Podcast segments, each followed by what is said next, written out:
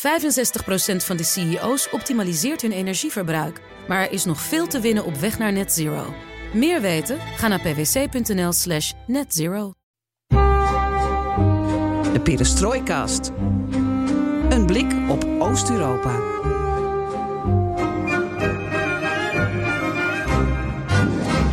De derde poging, intro-poging. Ehm, hopelijk gaat deze lukken. Welkom bij BNR Perestrooikast, aflevering 195 van de enige podcast van Nederland die volledig oog voor het oosten heeft en geeft. Een historische dag met het einde van enclave Nagorno-Karabakh. Per 1 januari houdt Nagorno-Karabakh op te bestaan. Zo maakt het bestuur van de pro-Armeense enclave in Azerbeidzjan vandaag bekend. We zagen afgelopen week de beelden van duizenden etnische Armeniërs eh, vluchtend uit Nagorno-Karabakh als gevolg van de ja, uh, agressie van Azerbeidzjan uh, op die enclave een week eerder. Ik weet ook telkens niet of we het woord enclave moeten benoemen, maar we hebben hier in de studio uh, Eva Kukier, net terug uit Armenië. Dag heren. Armenië Hallo kennen. Eva. Armenië kennen, toch? Zo mogen we je benoemen. Ja, inmiddels wel, ja. Komen niet zo heel vaak uh, buitenlandse correspondenten, althans uh, uh, niet dagelijks, niet wekelijks. En dit hele conflict was natuurlijk een beetje op de achtergrond geraakt, ook ja. vanwege Oekraïne. Ja. -huh. Dus als je daar dan weer eens komt, dan weet iedereen je te vinden. Ja, nee, heel goed dat je er zat. Je zat op het moment suprem eigenlijk. Um, die, wie je daar ook tegenkwam waarschijnlijk, waren Russen. Daar gaan we het zo meteen over hebben. Die heb je ook in de zuidelijke Caucasus. Rusland had zich, zou zich misschien moeten opwerpen als beschermer van Armenië, was altijd de gedachte. Uh, het zou de etnische Armeense Nagorno-Karabakh beschermen. Maar blijkt het ook wel. Hebben ze wat gehad, Armenië en Nagorno-Karabakh, de inwoners daarvan, uh, wat aan Rusland deze dagen? Daar gaan we het over hebben met Eva en met Gert-Jan. Een heleboel vragen zeg. Ja, Alles in de perestrooikas kan nou eenmaal ten oosten van de rivier de Elbe de komende weken, maanden, jaren besproken worden. Caucasus is wel ver weg van de Elbe. Ja, wat ten oosten. Ja, dat is waar. Dus dan kan het allemaal. En wat leuk is, is dat we heel sociaal en democratisch zijn. En abonneer je op ons, zodat je geen aflevering hoeft te missen. BNR Perestrooikast. Zoek ons op in je favoriete podcast-app. Ik ben Floris Akkerman. Mijn naam is Geert-Jan Haan. En dit is BNR Perestrooikast.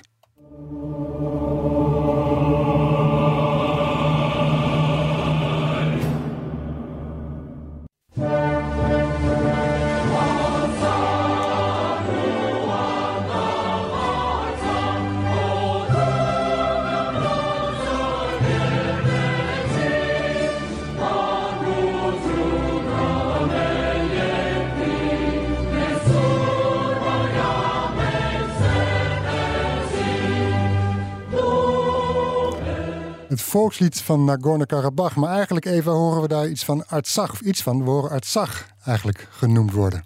Want Ja. zo noemen de Armeniërs het. Klopt. Artsakh is de Armeense benaming voor Nagorno-Karabakh. En dat heeft iets te maken met bomen, Ja. is mij vorige week verteld in Armenië. Want zag betekent hout. Aha. En dat was vroeger een heel bosrijk gebied. Nu, als je daar nu reist, dan zijn het vooral kale bergen. Uh, maar vroeger stonden daar veel bomen. Ja. Dat is ongeveer wat ik ervan heb onthouden. Maar wij houden het op, uh, althans wij, uh, het Westen of veel westerse landen houden het op Nagorno-Karabakh. Nou, Of ook niet in iedereen. Frankrijk of Duitsland is weer net wat anders. Ja, in uh, Duitsland zeggen ze Bergkarabach. Mhm. Nagorno betekent, of dat komt van het Russisch wat Aha. bergen betekent. Het is een berggebied. Ja. En Karabach betekent overigens, uh, Kara betekent zwart en Bach betekent tuin. Een zwarte tuin komt van het Perzisch. Hmm. Mooi. Ja, en de Fransen volgens mij Haute-Karabakh. Ja. Ja.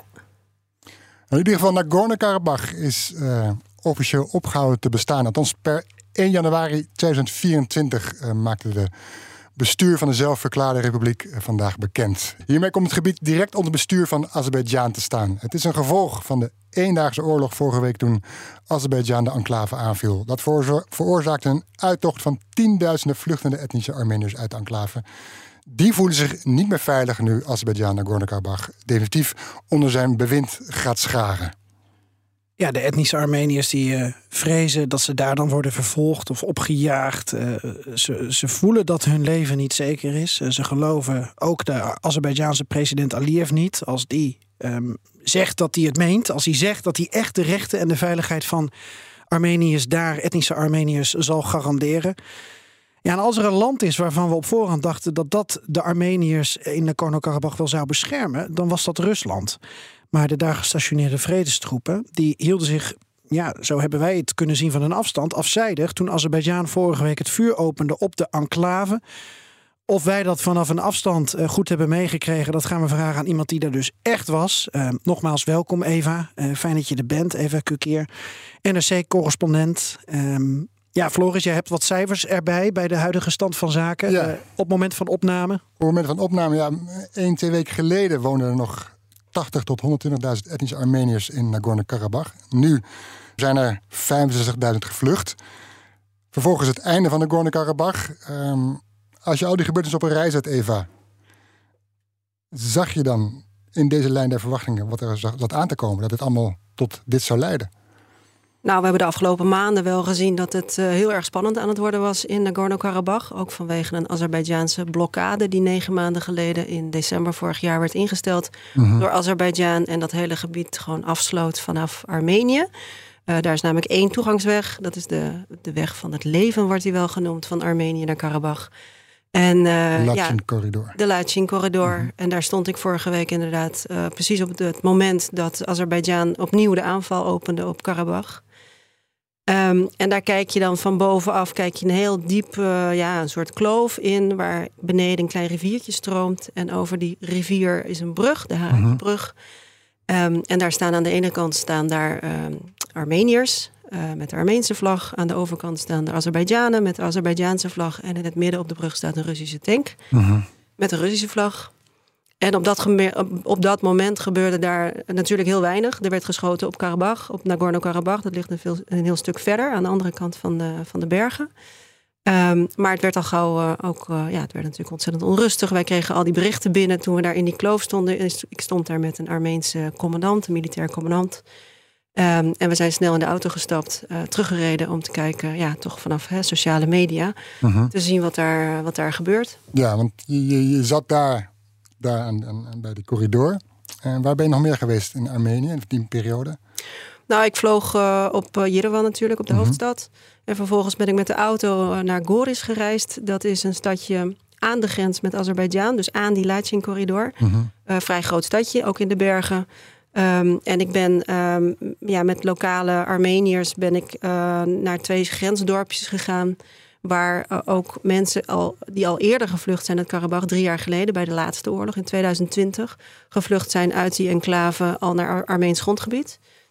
Um, die hebben mij verteld over hoe het ze daar vergaat. En uh, de man die ik sprak, die werkte ja, in, een, in een soort wachtpost op een, op een andere kant van de heuvel. En dan had je uitzicht op een, op een Armeense wachtpost, weer met een Armeense vlag. Mhm. En vlak daarnaast op Armeens grondgebied een uh, Azerbeidjaanse wachtpost. Waar dus Azerbeidjaanse militairen gelegerd zijn Mhm. op Ar Armeens grondgebied. Ja. En af en toe het vuur op elkaar openen. ja, en daartussendoor zie je dan ook weer Russische vlaggen van posten.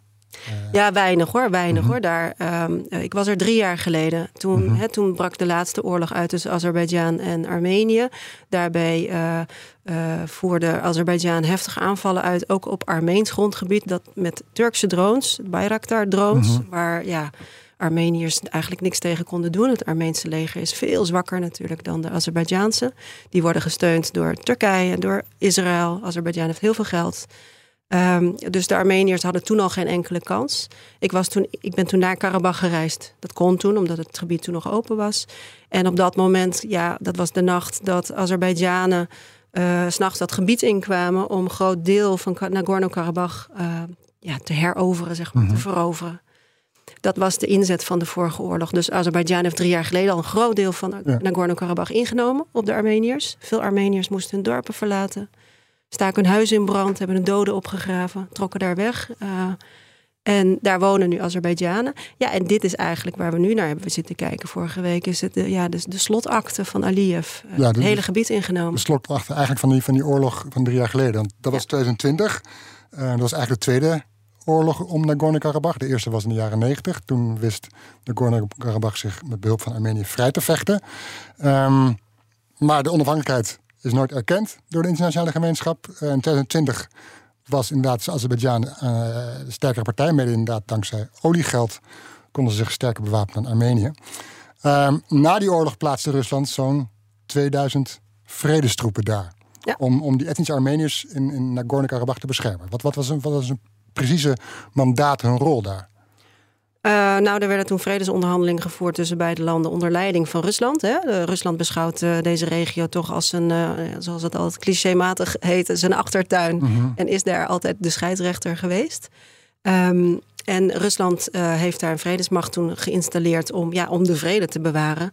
Uh, ik weet nog uh, dat die Russen daar binnentrokken. Uh, ook weer inderdaad met Russische vlaggen. En ook echt welkom werden geheten door de Armeniërs. Met fruit, mm -hmm. met, met eten werd ze gebracht. En ik heb toen ook met een paar van die Russische soldaten gesproken. Met hun commandant. Ja, die, die, die, die werden daar echt onthaald. Wat zeiden die, die, die Russische soldaten? Nou, Zagen ze zichzelf ook als beschermer van wij komen hier die mensen helpen? Ja, zeker. Wij komen hier de vrede bewaken. En uh, wij zorgen ervoor hè, dat, uh, dat dit allemaal uh, ja, binnen de perken blijft. -hmm. Ik denk wel dat het goed is dat we in de show notes als een, een, een, soort van faciliteren... dat we even een kaartje plaatsen. Een link met een kaartje van waar we het over hebben. Want we proberen telkens heel goed uit te leggen waar je bent geweest. Dus je zegt al in Goris of bij de Lachin-corridor. Maar het is het is voor iemand die, die niet in de Caucasus komt een onbegrijpelijke lappendeken. Met heel veel historie en sentiment. En als we het hebben over de Lachin-corridor, maar ook de Mehri-corridor, uh, waarover gesproken wordt, langs Iran. Um, en als je ziet dat er dus nog een gebied is van Azerbeidzjan. Um, dat uh, niet een rechtstreekse verbinding heeft met Azerbeidzjan, tenzij je die Mehri-corridor neemt. Ja, dan, dan duizelt het je af en toe. Dus uh, misschien een kaartje erbij. Uh, misschien wat leestips van de artikelen van Eva erbij. Ja, sowieso natuurlijk de verhalen van, uh, van Eva. Zonder meer een NRC die afgelopen weken verschenen daar. Wat ik ook kan aanbevelen voor wat kennis is. is het oh, is een heel dik rapport dat je nu voor je dat, hebt. Dat valt wel mee. Oh, is er een podcast van? Voor jou heel dik, maar voor een menigeen lees je, kom je daar zo doorheen. Dus van Bob Deen onder andere en Wouter Zweers, die, die, kennen we hier ook. Als je, daar kun je gewoon heel makkelijk zien, daar zitten kaartjes in en zie je gewoon hoe uh, de zuid, zuidelijke Caucasus erbij ligt. En daar komen we zo meteen nog op. Heb je deze geprint en zo netjes die gebundeld? Ik, uh, die hebben gekregen? Van, van Bob zelf. Wanneer? Ja.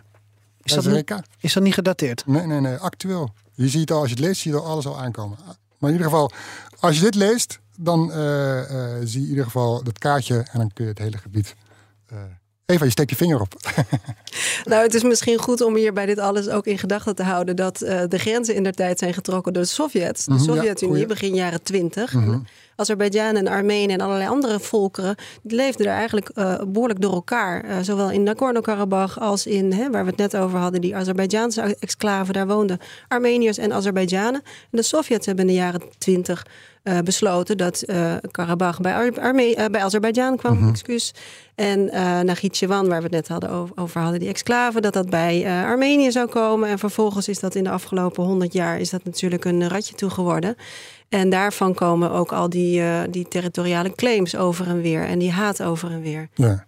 Dus uiteindelijk hè, moeten we gewoon terug naar het begin van de jaren van de vorige eeuw. Waar toen de Sovjets daar lijnen gingen trekken. -hmm. Want het is ook uh, wat vrediger geweest. Of een constructie zoals in uh, Galicië of uh, Oostenrijkse, Hongaarse Rijk, ik noem maar wat. mensen konden in ieder geval elkaar verdragen. Ja, in de Sovjetjaren ging dat vrij goed, lange tijd. Hè? Ook mede door natuurlijk de onderdrukking van de Sovjets, van de Sovjet van Moskou. Uh, maar de Armeniërs in Karabach waren ongeveer de eerste volkje in die hele, in die hele uh, Sovjet-Unie die onafhankelijkheid opeiste op het moment dat de Sovjet-Unie ging wankelen. Dat was eind uh, jaren 80, ja, mm -hmm. 1988. En zeiden: ho, ho, wij willen niet meer bij de Azerbeidzjaanse Sovjet-Republiek horen, maar wij willen terug naar Armenië. En daarmee begon dit conflict. Toen begon de eerste grote Karabach-oorlog, ja. heeft zes jaar geduurd tot 1994.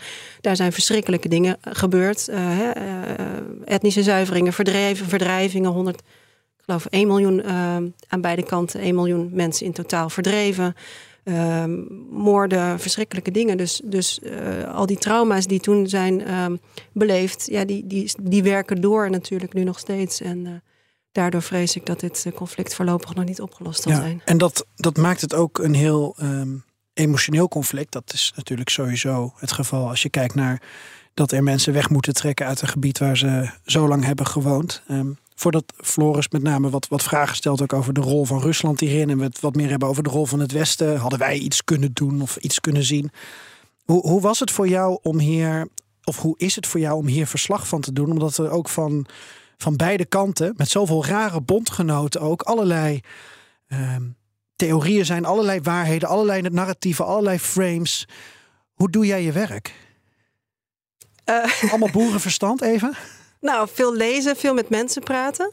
Uh, vooral vind ik altijd goed als je met de lokale bevolking praat. Dan, uh, ja, dan, dan zie je het allemaal gewoon hè, door, door een menselijke bril. En, en zie je het vanuit uh, ja, het perspectief daar op de grond. Want wij hebben toch de neiging om naar dit soort regio's te kijken als iets geopolitieks. Hè, als een plek waar grootmachten om elkaar vechten. En dat is natuurlijk ook zo. Maar ondertussen wonen daar, nou ja, in het geval van Karabach, 120.000 Armeniërs. die hun hele hebben en houden moesten inpakken. En daar nu op drift zijn geraakt. Dus ik vind het altijd heel prettig om daar ter plaatse te zijn, omdat je dan veel beter begrijpt wat er natuurlijk gebeurt. Maar wat hou je dan aan in je hoofd dat um, uh, de meeste partijen uh, Nagorno-Karabakh wel als territorium van Azerbeidzjan zagen, maar dat er een gedoogconstructie was waardoor de etnische Armenen daar konden leven?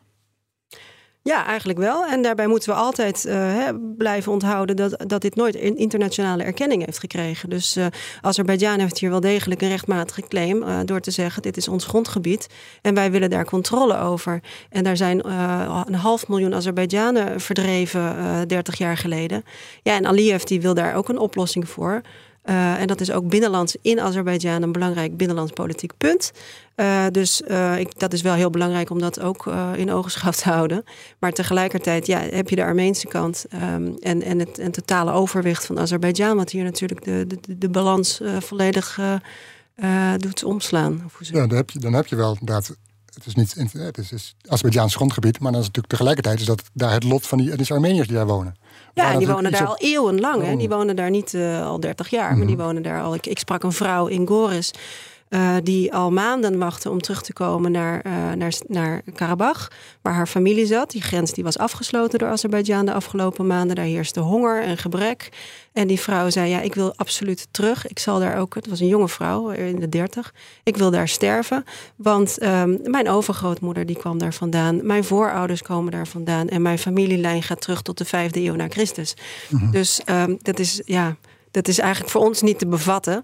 Hè, Nederlanders, uh, wij weten vaak wel iets over onze overgrootouders, maar daar houdt het dan vaak ook wel op. Um, overigens niet vervelend bedoeld, maar um, ja, daar gaat dat veel dieper en verder. Nee, van wie is land? Van wie is een land? Ja. ja. grenzen zijn ook maar kunstmatig en helaas heel veel getrokken in de, in de loop der eeuwen. Maar ja, deze mensen hebben zoiets van: ja, hallo, dit is mijn huis en mijn tuin. Eh, maar, maar ja, ga weg. Ja, bedoel, maar het hele vervelende, of het hele lastige is... Ik was daar in drie jaar geleden in die nacht... dat Azerbeidzjan grote gebiedsdelen van Nagorno-Karabakh innam. Uh, ook met het toestemming van de Russen. Um, en dan zie je Armeniërs die weg trekken, echt op de vlucht staan, um, hun huizen in brand steken uit dat gebied naar Armenië. Maar in die dorpen zie je ook nog aan de, aan de bergrand, aan de rand van die dorpen, zie je oude Azerbeidzjaanse huizen die in der tijd zijn ver, verlaten door Azerbeidzjanen die op de vlucht zijn ge, ge, ja. geraakt, gegaan. Dus dat maakt het heel erg complex, maar tegelijkertijd ook wel begrijpelijk. Mm -hmm. Als we even teruggaan naar die, die rol van de Russische soldaten. Jij spreekt er met de lokale bevolking over. Um, die, in eerste instantie zijn die blij. Ik mocht een jaar later was ik ook in die regio. Toen hoorde ik wel hele andere verhalen over die Russische soldaten. Maar was jij, jij was in Armenië uh, zelf? In Goris ook. Oh ja. Die, die route daar uh, tegen Azerbeidzjan. En in de, uh, toen hoorde ik wel mensen zeggen van ja, gaan zij ons echt beschermen? Wat is hun mandaat? Wat kunnen ze eigenlijk daadwerkelijk uitrichten als, als, als, als, als Azerbeidzjaanse leger aanviel? Ja, absoluut. En met recht, want de afgelopen drie jaar dat die vredesmacht daar zit, heeft Azerbeidzjan heel vaak, heel regelmatig, uh, voeren ze aanvallen uit. He, er wordt geschoten op Armeense dorpen, daar komen ook uh, Armeense soldaten, maar ook af en toe burgers bij om. Um, en de Russen hebben daar niet heel veel gedaan om dat in ieder geval de, de, de gemoederen te bedaren, om Aliyev tot, uh, ja, tot inkeer te manen of uh, om daar ja, uh, toch hun mandaat uit te voeren. Mm -hmm. Dus wat dat betreft snap ik die, dat, dat wantrouwen, wat natuurlijk nu helemaal ja. gigantisch is. Heel Konden ze dat niet? Wilden ze dat niet, de, de Russische vredessoldaten? Nou, ik denk dat die, ik weet niet wat die soldaten wilden. Wat ik weet wel. Mandaat? Huh? Wat is hun mandaat? Ja, daarom ja. Wie stuurt dat aan? Precies, dat is de meneer in Moskou. Dat is mm -hmm. uh, Vladimir Poetin die daar zit. En die de afgelopen jaren, uh, hè, zeker natuurlijk sinds de oorlog in Oekraïne, uh, ja, ook andere belangen heeft gekregen. En belangen heeft bij goede betrekking met Azerbeidzjan. Ja, wat was dan. Dat waren al, al schermutselingen. Je zag Azerbeidzjan al Armeense dorpen beschieten de afgelopen jaren. was het ook voor Aliyev zoiets van... nou, even kijken hoe Rusland reageert hierop. En kijken hoe ver het kan gaan. Nou, heeft dus al zeker. Ik bedoel, die, ja, die heeft natuurlijk ook gezien dat door de oorlog in Oekraïne uh, Poetin zijn handen vol heeft uh, aan dat conflict. Dat hij daar al zijn legertroepen heeft staan. En uh, dat de aandacht volledig weggetrokken is van de Caucasus, waar natuurlijk nooit heel veel aandacht voor is geweest. Maar dat Poetin natuurlijk in de hele hè, voormalige Sovjetregio zijn invloed een beetje aan het verliezen is. Mhm. en, en, dat hij heel goed zijn best moet doen om daar toch nog hè, af en toe als scheidsrechter met zijn hand op tafel te slaan. Ook overigens als leider van de, de CSTO, de veiligheidsorganisatie waar veel landen, waaronder Armenië, lid van zijn. Uh, Rusland heeft daar uh, veiligheidsverplichtingen. Die, die, die heeft de verplichting om uh, landen en Armenië hun veiligheid en, en bescherming te bieden. En doet dat niet. Nee. Dus Aliyev die zit al, die zit al, die zit al heel erg lang te, te azen op, op Karabach. Hè, op, op herstel, zoals hij het zelf noemt, van zijn ter territoriale integriteit, integriteit van zijn land. Um, en zag zijn kans schoon. Maar dan zegt, dan zegt Rusland, ja, Nagorno-Karabakh, dat is Azerbeidzjaans grondgebied. Dat is geen Armenië, wij hoeven daar niet op te treden. Nee, klopt. En uh, er zijn verschillende vredesprocessen geweest de afgelopen jaar vooral, uh, onder leiding van de Russen. Maar dat, dat liep toch wel behoorlijk vast. Mm -hmm. ja, ook vanwege het feit dat Poetin natuurlijk druk is in Oekraïne. Um, en ook vervolgens is, is, is, is, uh, is het Westen in dat gat gestapt. Uh, de, Amer de, Amerikanen, de Europeanen, die zijn met uh, Azerbeidzjan en met Armenië om de tafel gegaan. En daar zijn wel een aantal afspraken uit, uitgekomen. Eigenlijk waren die vredesbesprekingen ook behoorlijk hoopvol Mhm. dit jaar. Mm -hmm. Maar toch ja, zie je dat Aliyev zijn. Um, ja, niet nog steeds, zich zo moedig, zich zo machtig heeft gevoeld. Ja door de afwezigheid van Rusland en vanwege de backup van Turkije, want Arme uh, Azerbeidzjan wordt gesteund door Turkije, um, ja, dat hij dit heeft durven doen. Ja, ja twee uh, aanvullingen. En uh, Floris, jij mag als scheidsrechter van deze aflevering bepalen of dit het moment is of dat je het onderwerp nog even wil parkeren. Maar um, ten eerste over die. Um, ja, eerste drone-oorlog die Aliyev is, is gestart, die grote test eigenlijk. We hadden een aflevering uh, over drones. Ik zat het snel op te zoeken. Ik dacht ergens 173 of zo. En dat, dat ging dan over uh, de. Oh, ik krijg een appje nu van iemand die de afleveringnummer weet. Nee, ik zet geluid uit, sorry jongens. Um, we hadden een aflevering over drones. En dat ging dan met name over natuurlijk de oorlog tussen Oekraïne en Rusland. Maar toen werd ons verteld dat. Um, als je ook bijvoorbeeld kijkt naar het onderzoek dat Han Bouwmeester heeft gedaan, mm -hmm. de uh, defensiedeskundige, dat eigenlijk uh, de oorlog die Aliyev in eerste instantie vanuit de lucht heeft uitgevoerd op Armenië, dat dat de eerste echte drone-oorlog ja.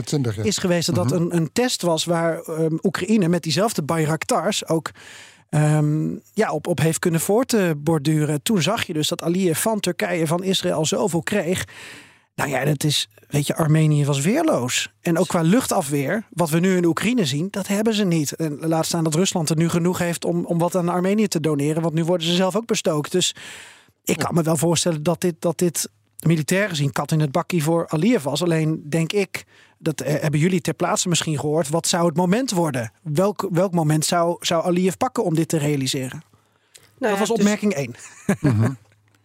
Ja, nee, hij heeft dit moment gepakt. Uh, mensen zien daar twee redenen voor. Uh, Karabach heeft een eigen, zijn eigen ja, de facto uh, niet internationaal erkend republiekje met een president en een bestuur en een parlement. En die president die werd twee weken geleden ineens vervangen. Of tenminste, het lokale parlement koos een nieuwe president. De oude moest aftreden. En de nieuwe die, ja, die, die zat nog geen twee weken in het zadel of of deze aanval begon. En het tweede is dat uh, één dag, deze aanval begon twee dagen voor de Armeense onafhankelijkheidsdag. Dus daar kun je een soort ja, symbolische steek van Azerbeidzjan inzien. Uh, dat doen ze ieder jaar. Rond onafhankelijkheidsdag in, uh, in Armenië worden de aanvallen uitgevoerd, uitgevoerd door Azerbeidzjan. Dus dat zou beide zouden dat ja, kleine aanleid, aanleidingjes kunnen zijn, symbolische aanleidingen, om, om juist dat moment te kiezen. Maar er was ook natuurlijk maandenlange uithongering van de bevolking. En, en dan zat je dus ook waarschijnlijk, als je daar woonde, te wachten op het moment dat, er een, een, dat het militaire uh, gevolgen zou krijgen, opvolging zou krijgen. Ja, absoluut. Uh, die mensen die zaten al negen maanden uh, in, nou ja, in hele slechte omstandigheden. En sinds de zomer heerste er echt honger. Er zijn ook mensen omgekomen van ondervoeding. Er waren geen medische voorzieningen. Alleen echte zwaar zieken die mochten dan met, met het Rode Kruis mochten ze dan doorgang kregen ze naar Armenië. er was bijna geen brandstof meer, waardoor mensen ook geen voedsel konden halen op het platteland. En de, de situatie was echt, echt schrijnend en uitzichtloos. En ik denk dat Aliyev ook heeft gezien dat daar internationaal heel weinig aan aandacht voor is geweest. De media hebben er nauwelijks over geschreven. Mhm. En het was echt een soort stille, ja, een, stille leidensweg naar het einde van de Armeniërs. En ehm, wat dat betreft denk ik dat Aliyev zich wel gesteund voelde, voelde door die afwezigheid van het Westen. Ja, maar is het dan zo dat, als we nog kijken even naar de rol van de Russen, is het dan zo simpel gezegd dat Poetin kon of wilde niks doen omdat hij zijn handen vol heeft in Oekraïne?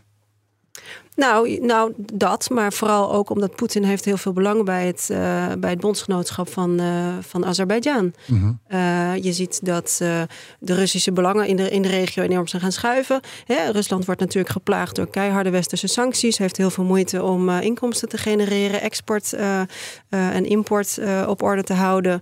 en Azerbeidzjan is wat dat betreft, hè, het is een rijk land, ook qua grondstoffen.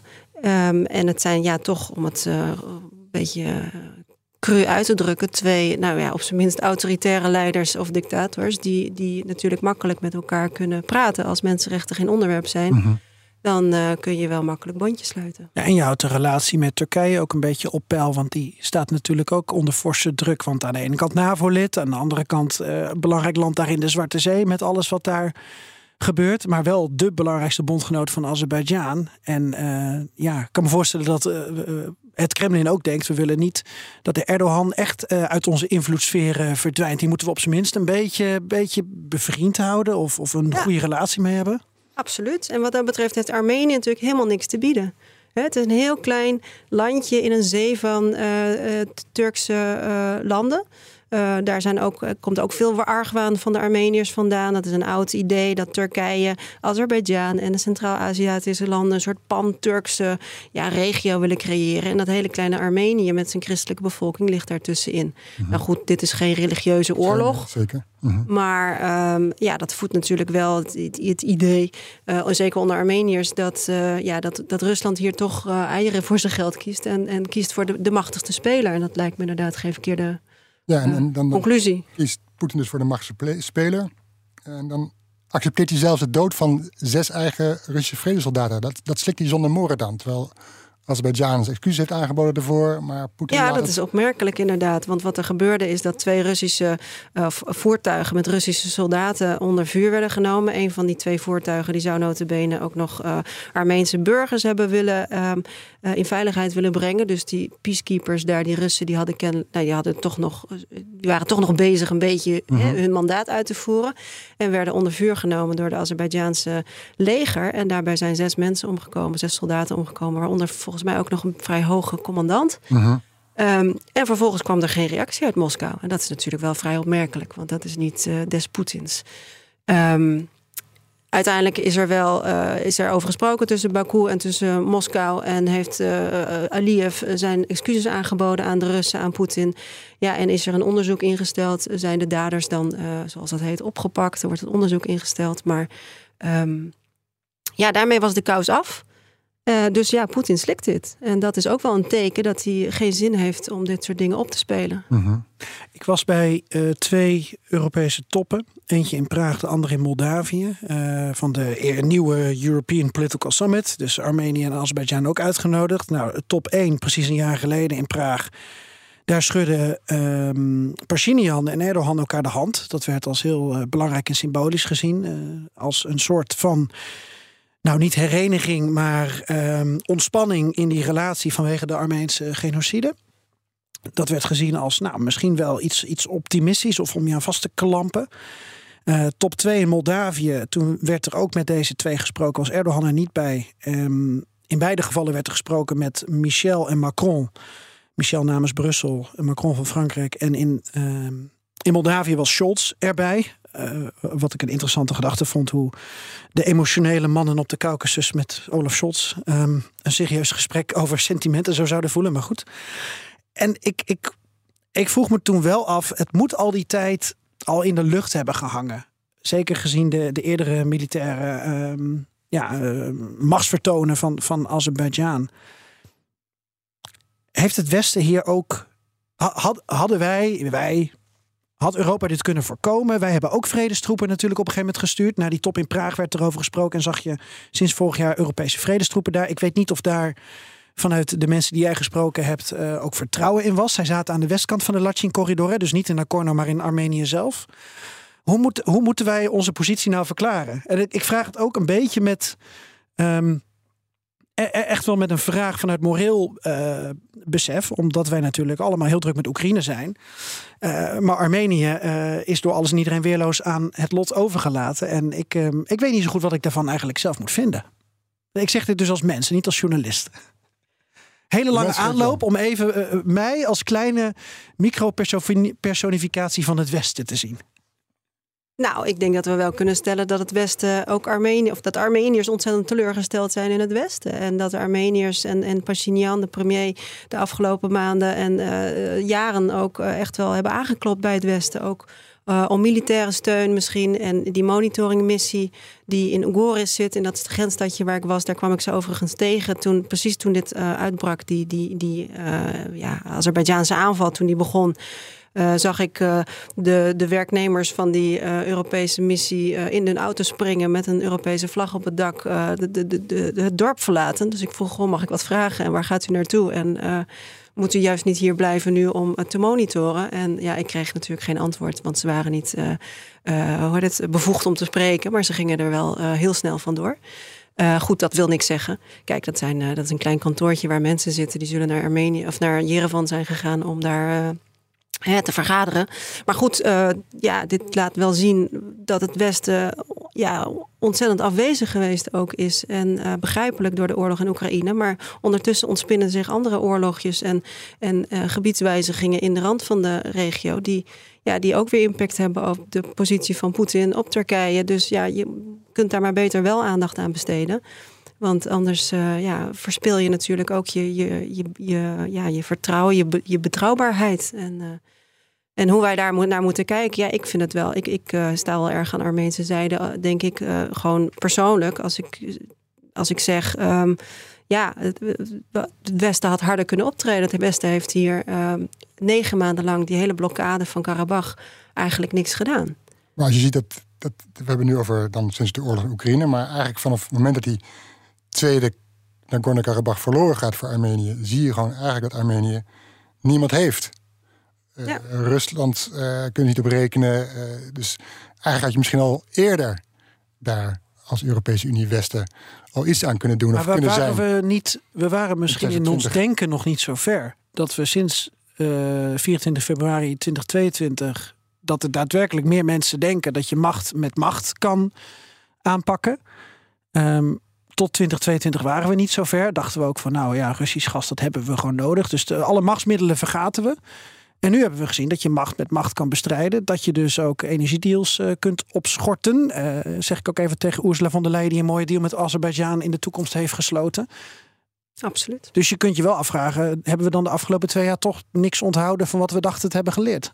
Ja, we hebben daar drie jaar geleden toch een hele heftige oorlog gezien. Die duurde zes weken. Er zijn 7000 mensen bij omgekomen, groot deel soldaten. Maar toch, het was een hele bloedige oorlog. Uh, we hebben gezien waar Azerbeidzjan samen met Turkije toe in staat is. En vervolgens hebben, ze, hebben we onze aandacht weer laten verslappen. En ja, dat, dat is ergens te begrijpen, want het is ver weg. Hè? Ook voor, zeker voor uh, Washington, uh, maar ook voor Brussel. Het is ver weg. Het is een heel langlopend conflict. Een beetje een zweer hè, daar in die zuidelijke Caucasus. Even dat je ging zeggen, het is heel lang lopen. Maar dat is, dat is ook zo. Maar. Een heel langlopend conflict. die koppige Armeniërs die daar maar in Karabach blijven zitten. Terwijl ze natuurlijk beter aan zouden doen om eieren voor hun geld te kiezen. Maar ja, dit Westen had wel degelijk iets, uh, iets, iets moeten doen. Had uh, ja, Pashinyan meer moeten steunen. En er is wel een vredesoverleg hè, onder leiding van de, van de Amerikanen, eerst Europeanen. Maar ja, je ziet toch dat ze daar dan, ja, dat Aliyev dat niet echt serieus neemt. Nee, je hebt natuurlijk ook, ik denk ook dat, dat Turkije en Rusland, die proberen natuurlijk ook het liefst het Westen zo ver mogelijk weg te houden van die zuidelijke Caucasus. Dus je, de vraag is ook, hoe kom je er makkelijk tussen? Ja, maar Ben je- dan, je bent dan niet de laat je Armenië speler. aan het lot over. Als je ziet Ja, dat- welke, welke dat partij dus. Rusland nu heeft Dat, gekozen. dat gebeurt dus. Dat gebeurt dus, want het is nu veel te laat. Hè. Karabach is gewoon vandaag per vandaag opgeheven. Of tenminste per 1 januari, maar vandaag is dat aangekondigd. Eh, en nu komen inderdaad ineens eh, vanuit Amerika, eh, vanuit Washington was daar Samantha Power, directeur van USAID. Die geen antwoord op durft te geven op de vraag: is dit etnische zuivering wat hier plaatsvindt? Daar, daar draait je dan omheen.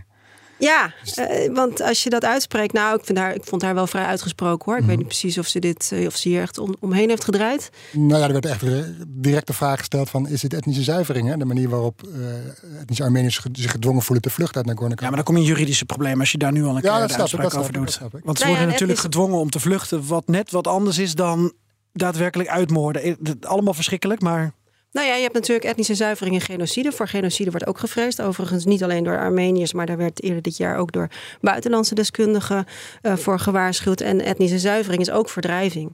En dat is natuurlijk wat hier plaatsvindt. Eh, maar goed, dus we hadden de Amerikanen die zijn gekomen deze week. Eh, we hadden de Russen trouwens ook. Er was een eh, Russische eh, topambtenaar die naar Jerevan is afgereisd deze week om te vertellen dat ze toch vooral niet met het, met het Westen hè, zich verder tegen het Westen moeten aanschurken. Ehm, en we hadden Europese ehm, eh, afgevaardigden. Dus het was ineens heel druk daar. Maar de afgelopen maanden was die af- afwezigheid erg voelbaar. Ja, maar dus daarin heeft het Westen dus eh, zich gefaald, zich niet laten horen. Als je nu kijkt naar de toekomst, Aliyev wil meer. Die, die heeft al gezegd, al drie jaar geleden na die overwinning eh, in de Tweede Oorlog in Nagorno-Karabakh, voelde zich zo sterk en zo, zo'n overwinnaar. Dat hij toen al riep van, eh, ik wil de provincie Shunik van Armenië wil ik wel hebben. Daar komen onze voorouders van terug. Hij aast ook op die verbinding met Nagit, Nagitjevan.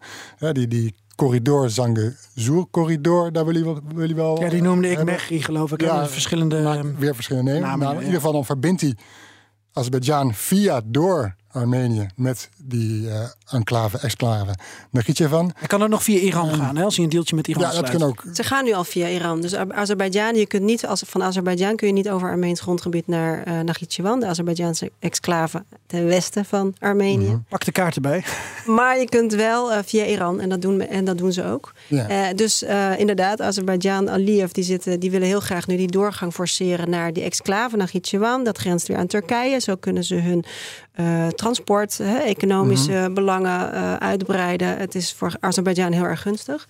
Maar de Armenen die denken van, ho eens eventjes, eh, met een Ja. corridor lopen wij het risico dat er Azerbeidzjan zo nog een hapje neemt van ons land. Blijft er nog wat over van Armenië? en dan blijft er inderdaad niet veel over van Armenië. En, Maar goed, daar krijg je dan ook weer hè, dat Iran in het zuiden.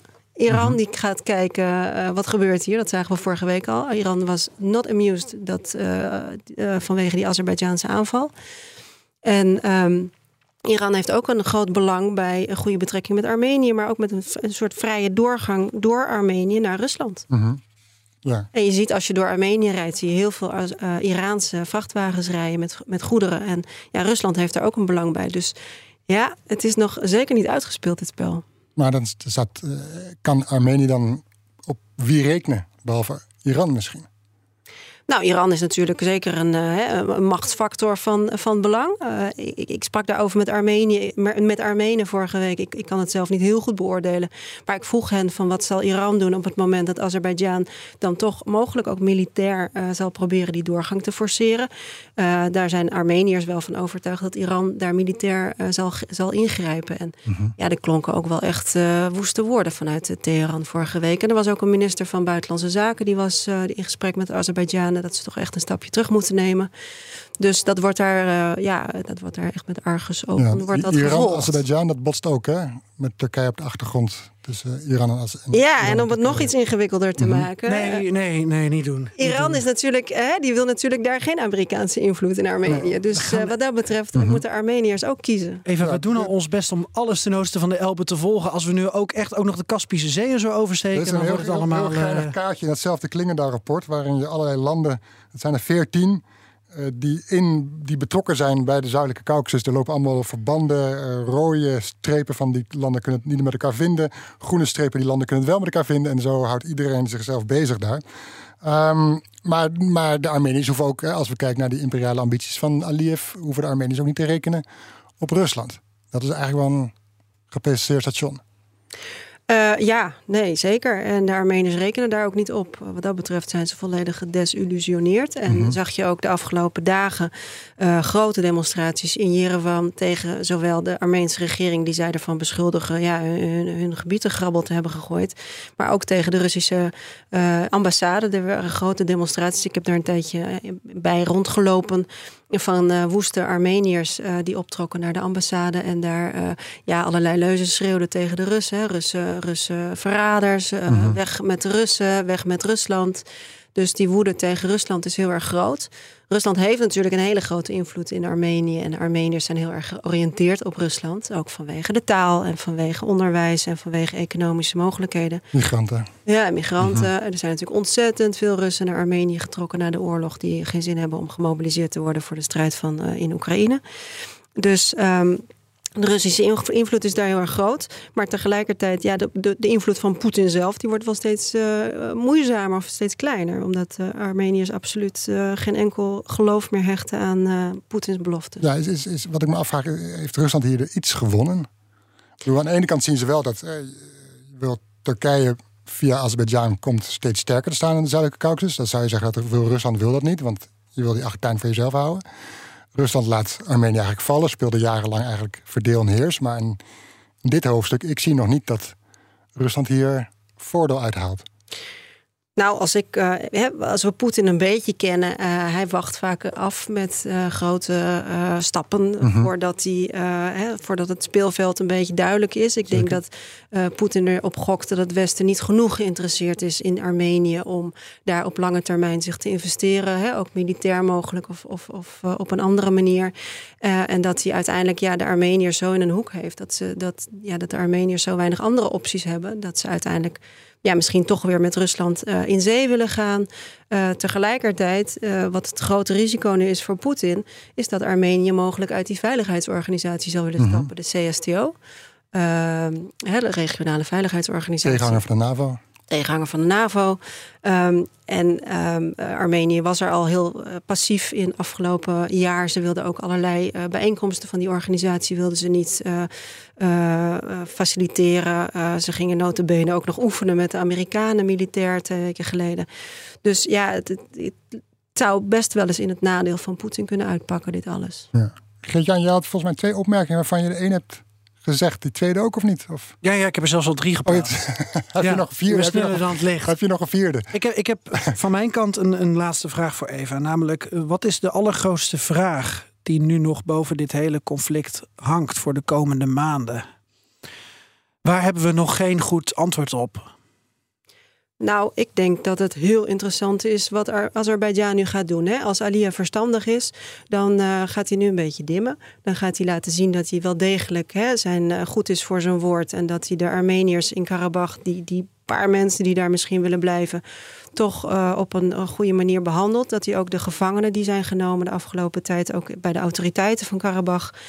dat hij een eerlijk proces krijgt. Hè? Dat hij in ieder geval doet alsof nou ja, dat allemaal in goede banen zal worden geleid. En dat hij zich niet de bloeddorstige leider toont waar iedereen hem nu voor houdt. Uh, en dan uh, ja, ook, ook wat betreft die doorgang die hij wil forceren in het zuiden van Armenië, dat hij toch een paar stappen terug doet. Om vervolgens over een paar jaar toch weer toe te slaan. Precies, ja, dat kan heel goed. Maar het, het lijkt me nu het belang van, van Aliyev om even een stapje terug te nemen. Uh, mogelijk is dat ook ten goede van het vredesproces, wat op 5 oktober weer wordt hervat in Granada in Spanje. De volgende Europese top. Ja. Uh -huh. uh, dus dat ga ik heel erg volgen. Ik denk dat het heel goed zou zijn als wij uh, naar Azerbeidzjan gaan kijken. Hè. Wat gebeurt er in dat land? We, we, hebben natuurlijk het is een hele grote blinde vlek eigenlijk. Er komen ook weinig ja. journalisten. -huh. Ja, en hoe dan, hoe dan verder met Rusland en Armenië? Dat is natuurlijk altijd interessant. Maar als je, Geert-Jan eens even Joost aan het binnenhalen voor voor een mop. Dat is wel heel leuk dat Joost en Eva zich op deze manier even ja. nou, niet kunnen zien, maar in ieder geval met elkaar kunnen spreken. Dus ik hoop dat we verbinding kunnen maken met Joost. Altijd spannend met Moskou, eh, vanuit zijn flat. verbinding uh, soms wat slecht. Maar als je, je zegt dat je er persoonlijk uh, toch wel aan Armeense kant staat, um, dan, dan kan ik me voorstellen dat je nu hier rondloopt met, met zwaar gemoed in Nederland. Nou, ik denk dat het een hele treurige dag is uh, voor, uh, hè, voor Armeniërs nu, uh, voor de Armeniërs van Karabach nu hun ja, de facto en internationaal niet erkende republiek definitief van de kaart verdwijnt. Uh, als ik zeg dat ik, hè, uh, maar ik voel me solidair met de Armeniërs, maar dat mm -hmm. komt vooral omdat, um, hè, ook al heeft Azerbeidzjan wel degelijk rechtmatig hè, claims op het gebied, en, en die erken ik ook. Hè, het is een deel van Azerbeidzjan, um, het is een enclave. Um, maar dat wil niet zeggen dat uh, Azerbeidzjan daar maar zijn gang kan gaan. En dat uh, mensenrechten en veiligheid niet hoeven worden gerespecteerd. Er zijn daar kinderen omgekomen, er zijn daar burgers omgekomen. Uh, er is een totaal chaotische exodus al, al dagen gaande. -huh. En ik denk dat, ja, dat, dat Azerbeidzjan, Azerbeidzjaanse reputatie niet ten goede komt. Ja. Dankjewel. Hey, maar we zitten hier dus met een, uh, uh, een man in Moskou en een vrouw in Nederland. En de, Eva is natuurlijk nog maar kort terug in Nederland. En jij bent alsnog daar gebleven. Hadden jullie eigenlijk van plek willen ruilen? Had jij terug willen komen en Eva, had jij misschien daar nog willen zitten? Nou, ik had daar zeker willen blijven zitten, ja. Joost, wil je Ja, ik, ik, ik, sta, ik sta er wat uh, ambivalenter, hoe zou ik het zeggen? Wat, wat eigenlijk uh, onverschilliger in, kan ik wel zeggen. Want ik heb iets van, nou weet je... Uh, omdat ik er al zo lang rekening mee hou dat het gewoon een keer afloopt... ben ik er al zo mentaal op voorbereid dat als het zover is... als ze zeggen, nou je krijgt geen visumverlenging... dan zal ik het schouderophalend aanvaarden en, en uh, koffers gaan pakken. En, en het is vervelend dat je je mensen achterlaat. En, en uh, dat, dat is het allervervelendste, het allermoeilijkste natuurlijk. Maar ja, uh, dan gaan we wat anders doen. En dan vind ik het ook eigenlijk wel best, eerlijk gezegd. Het, het, het zal ook wel weer een beetje ergens een opluchting zijn misschien. Omdat het toch wel, dat besefte ik gisteren eigenlijk, toch wel ja, aan je knaagt of zo in dit land te wonen je staat er wel telkens, je probeert er nuchter in te staan en, en ook uh, de eventuele bedreiging aan je eigen uh, adres probeert te relativeren. Maar ja, uh, hoe dan ook, dat is ook onvermijdelijk denk ik, knaagt dat stiekem toch aan je. En, en nou ja, ik zie je om daar een keer van af te zijn is ook wel, is ook wel prettig. Ik zie je knikken Eva, dat, dat gevoel herken jij? Ja, zeker. Ik wil absoluut niet bagatelliseren hoe moeilijk het is om te werken in Rusland. En, en, en dat je dat ook he, niet afsluit uh, als je de werkdag afsluit. Maar dat je dat ook in de avonturen en de weekenden en overal waar je gaat met je meeneemt. En ik was nu afgelopen week dan in Jerevan, waar grote demonstraties waren onder heftige politietoezicht. Uh, en ja, uh, de sfeer was zo anders. Je werkt toch in een democratie. Um, uh, agenten waren uh, toch vriendelijk. Hè? Hoe, hoe, ze daar ook bij stonden, helemaal met, met schilden en, en helemaal uh, ingepakt. Maar goed, ehm, ja, het was, een heel, het was een heel verschil als je met mensen kunt praten die, die vrij uit kunnen spreken. En niet bang te hoeven zijn dat mm -hmm. ze hè, voor ieder woord worden opgepakt, zoals in Rusland. Ja. Maar, maar toch had je daar nog wel willen zitten? Ja, ik had, nou ja, ik, ik, het is waar om daar te werken. Uh, maar ik vind het ontzettend belangrijk dat we daar hè, blijven. Om, om, om, op, om daar ter plekke met mensen te praten en de sfeer te proeven. Hè, daarom ben ik zo blij dat Joost er in ieder geval nog zit. -hmm. Maar um, nee, het is zeker niet makkelijk. Ik denk toch, uh, ja, uit journalistiek belang uh, wil je daar zijn. En, en je gaat van buitenaf, die illusie moet je eigenlijk niet hebben. Dat je van buitenaf kunt kunt, uh, kunt aanvoelen of via sociale media kunt volgen uh, wat daar precies gebeurt of wat mensen denken. Mensen durven bijna niks meer te zeggen. Maar, maar op persoonlijk ja, vlak is het, is het, is het, uh, is het zwaar. Heb, heb je nu wel weer je plek in, in Nederland en als reizend correspondent gevonden nadat je met, met, met overleg weer uit Moskou bent weggegaan? Nou, ik, ik heb mijn nieuwe bestaan uh, nog niet helemaal ingericht, maar ik, ik ben gewoon nomadisch correspondent. En, um, en reis door de regio en hoop ook veel aandacht te kunnen besteden aan de, hè, de Russische diaspora, de Russen die allemaal weggetrokken zijn, de situatie in de Baltische Staten, aan de hele grenzen van, van het Russische Rijk.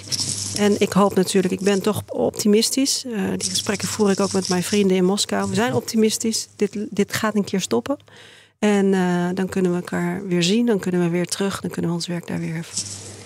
Oh, misschien moet je een paar keer bellen met Joost. Beetje, beetje moed inpraten. Ja, Joost. Ja, je kan heel leuk borrelen met Joost hoor, op vrijdagmiddag. Ja. ja. met Joost. Ja maar, ja, maar, ja, maar Joost heeft niemand meer over daar. Nee, dus zeg je, je kan heel, uh, Ik zou online, zeggen, je doet WhatsApp aan, video aan en je gaat borrelen met Joost. Ja, maar, ja. Dat werkt hartstikke goed. Dat heb ik veel gedaan, ja. Digitaal borrelen. Precies. Ja. Dan, dan is die jongen weer helemaal uh, vol met energie en bruist hij weer. Ja, maar Joost, hou de moed erin. Hè? Ja. Je, ben, je bent van ongelooflijk belang voor voor Nederland? Dat is moeilijk te voelen waarschijnlijk, maar... Ja, nou ja, weet je, het, is precies wat Eva zegt. Het is heel ambivalent. Uh, enerzijds uh, is het voor jezelf niet altijd even makkelijk. Of schoon we dat ook niet moeten overdrijven. We kunnen hier ook gewoon uh, vrij over straat lopen. Maar je weet gewoon niet wat en of ze iets van plan zijn met je. Of, of dat, dat is wat de hele tijd in je achterhoofd speelt. Anderzijds is het, ja, besef je ook wel het historisch belang van deze tijd. Hè. Het kan een keer zomaar aflopen. En, en als je er dan bij bent, dan is dat toch wel heel, heel belangrijk als journalist. En ook in deze tijd zelf nog, om, om toch ja, ik zeg altijd maar het gekkenhuis van binnenuit te beschrijven. Hè. Dat, uh, dat, dat, dat, dat, dat is toch wel, uh, ja, nou, toch wel belangrijk, denk ik. Ja. ja, heel goed, heel goed. Heb je nog een mop uit dat gekkenhuis? Ja, nou ja, goed. Ik ga eens lollig zitten wezen. Dat je die nou, Eva nog niet kent. Gekkenhuis heb je natuurlijk, uh, heb je natuurlijk uh, humor genoeg. Uh, als we kijken naar One Flew Over the Cuckoo's Nest bijvoorbeeld, hè, daar heb ik toch wel erg om moeten lachen ook. Ja, ja. Uh, nou ja, ik heb, uh, ik heb twee moppen over Polen, want die wilden jullie ook voor volgende uitzendingen, maar die zal ik dan maar even bewaren. Laat ik eerst maar gewoon de, de, de laatste, de laatste onafhankelijke mop doen, zeg maar. Probeer dat draadje van je microfoon niet telkens door je baard te laten schuren, Joost, of scheer je een keer. Oh ja, ja daar heb je, oh, zeg je zo wat. Zou dat het zijn? ik, zal, ik zal hem iets van me afhouden. Ik heb hele gevoelige oortjes. Ja, nou, dat kun je wel stellen, ja. Nou, ik heb een hele lange baard, dat klopt, ja. Nou, Rasputin, kom maar door. Doe ik in. Ja, nou, dus een, een, een, een, twee Russen komen elkaar tegen. De ene zegt, uh, goh, ik hoor dat je een jachthond hebt uh, gekocht. Uh, ja, zegt hij, voor, de, voor, de, hè, voor de jacht is dat inderdaad. Um, en, en hij zegt, uh, maar waarom heb je hem daar nou, nou, niet bij je? Want ze staan in het bos namelijk met, het, uh, met z'n twee te praten. Hij zegt, wat heeft dat bos ermee te maken? Hij zegt, als ik op jacht ga, dan heeft die hond... Uh, die luistert naar de gesprekken met mijn vrouw... en die kijkt tv met haar.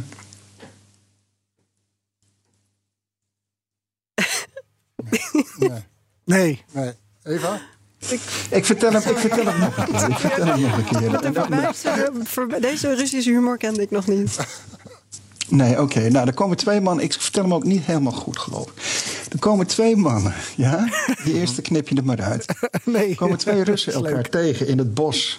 Er komen twee Russen elkaar tegen in het bos, zegt de een tegen de ander. Daar zegt hij, ik, heb een, ik hoor dat jij een hond hebt gekocht voor de jacht. Ja, zegt die andere, dat is een geweldig dier. Ik, ik zou zonder dat dier niet kunnen gaan jagen. Oh, zegt die uh, andere man van, uh, die, die vriend van... Ja, maar waarom heb je hem nou niet bij je dan? Want je bent nu toch op jacht? Nee, zegt hij, je begrijpt het niet. Die hond, als ik aan het jagen ben... zit bij mijn vrouw, luistert naar de verhalen... en kijkt tv met haar. Ja, ik snap hem iets beter, ja, maar ik zie de humor er niet van in. Be, be, ja, nou ja, dat is Russische humor, jongens. Maar je bedoelt dat, hij dat probeer ik jullie nu al twee jaar aan het... Omdat die hond zijn vrouw bezighoudt. Misschien moet je met het Russisch vertellen. Voilà. Een, een vervanger gewoon. Voilà. Ja. Juist. Oké. Okay. Is het nou zo Daar moeilijk? hadden we even voor nodig om uit te leggen. Dat, dat, dat, dat, verklaart alles. Ja, dat, is mijn, uh, dat, dat komt me niet vreemd voor. Nee. Uh, na anderhalf jaar of twee jaar. Mm -hmm. Dankjewel, Joost. Dankjewel, Joost. Goed. Uh, vrolijk verder naar de volgende mop. Dankjewel, Joost. Graag gedaan. Zet hem op daar. Kop ja. op. Yo. Ja, nee, okay. rustig, jongen. Dankjewel ook Eva Kukier. Ja, dus, ja. Oh. Dankjewel Eva Kukier voor dit. Voor jouw Armeense deskundigheid als NSC-correspondent. Dank jullie wel. We zullen een aantal van je artikelen over Nagorno-Karabakh in de show notes zetten. Dus en uh, hopelijk tot de volgende keer. Jij ook bedankt. Tot ziens. Dag. Jan. Dag. Hey Joost, ga je nou eens scheren? Maar het leek wel alsof die no way. sambabal naast een... Uh... Sambabal? Ja. Wat is dat, Joost? Hè?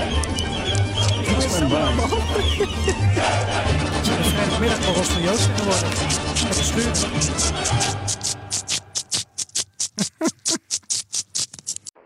Als Europees marktleider op het gebied van internationale arbeidsmigratie bemiddelt Otto Workforce in de werkgelegenheid over de grenzen.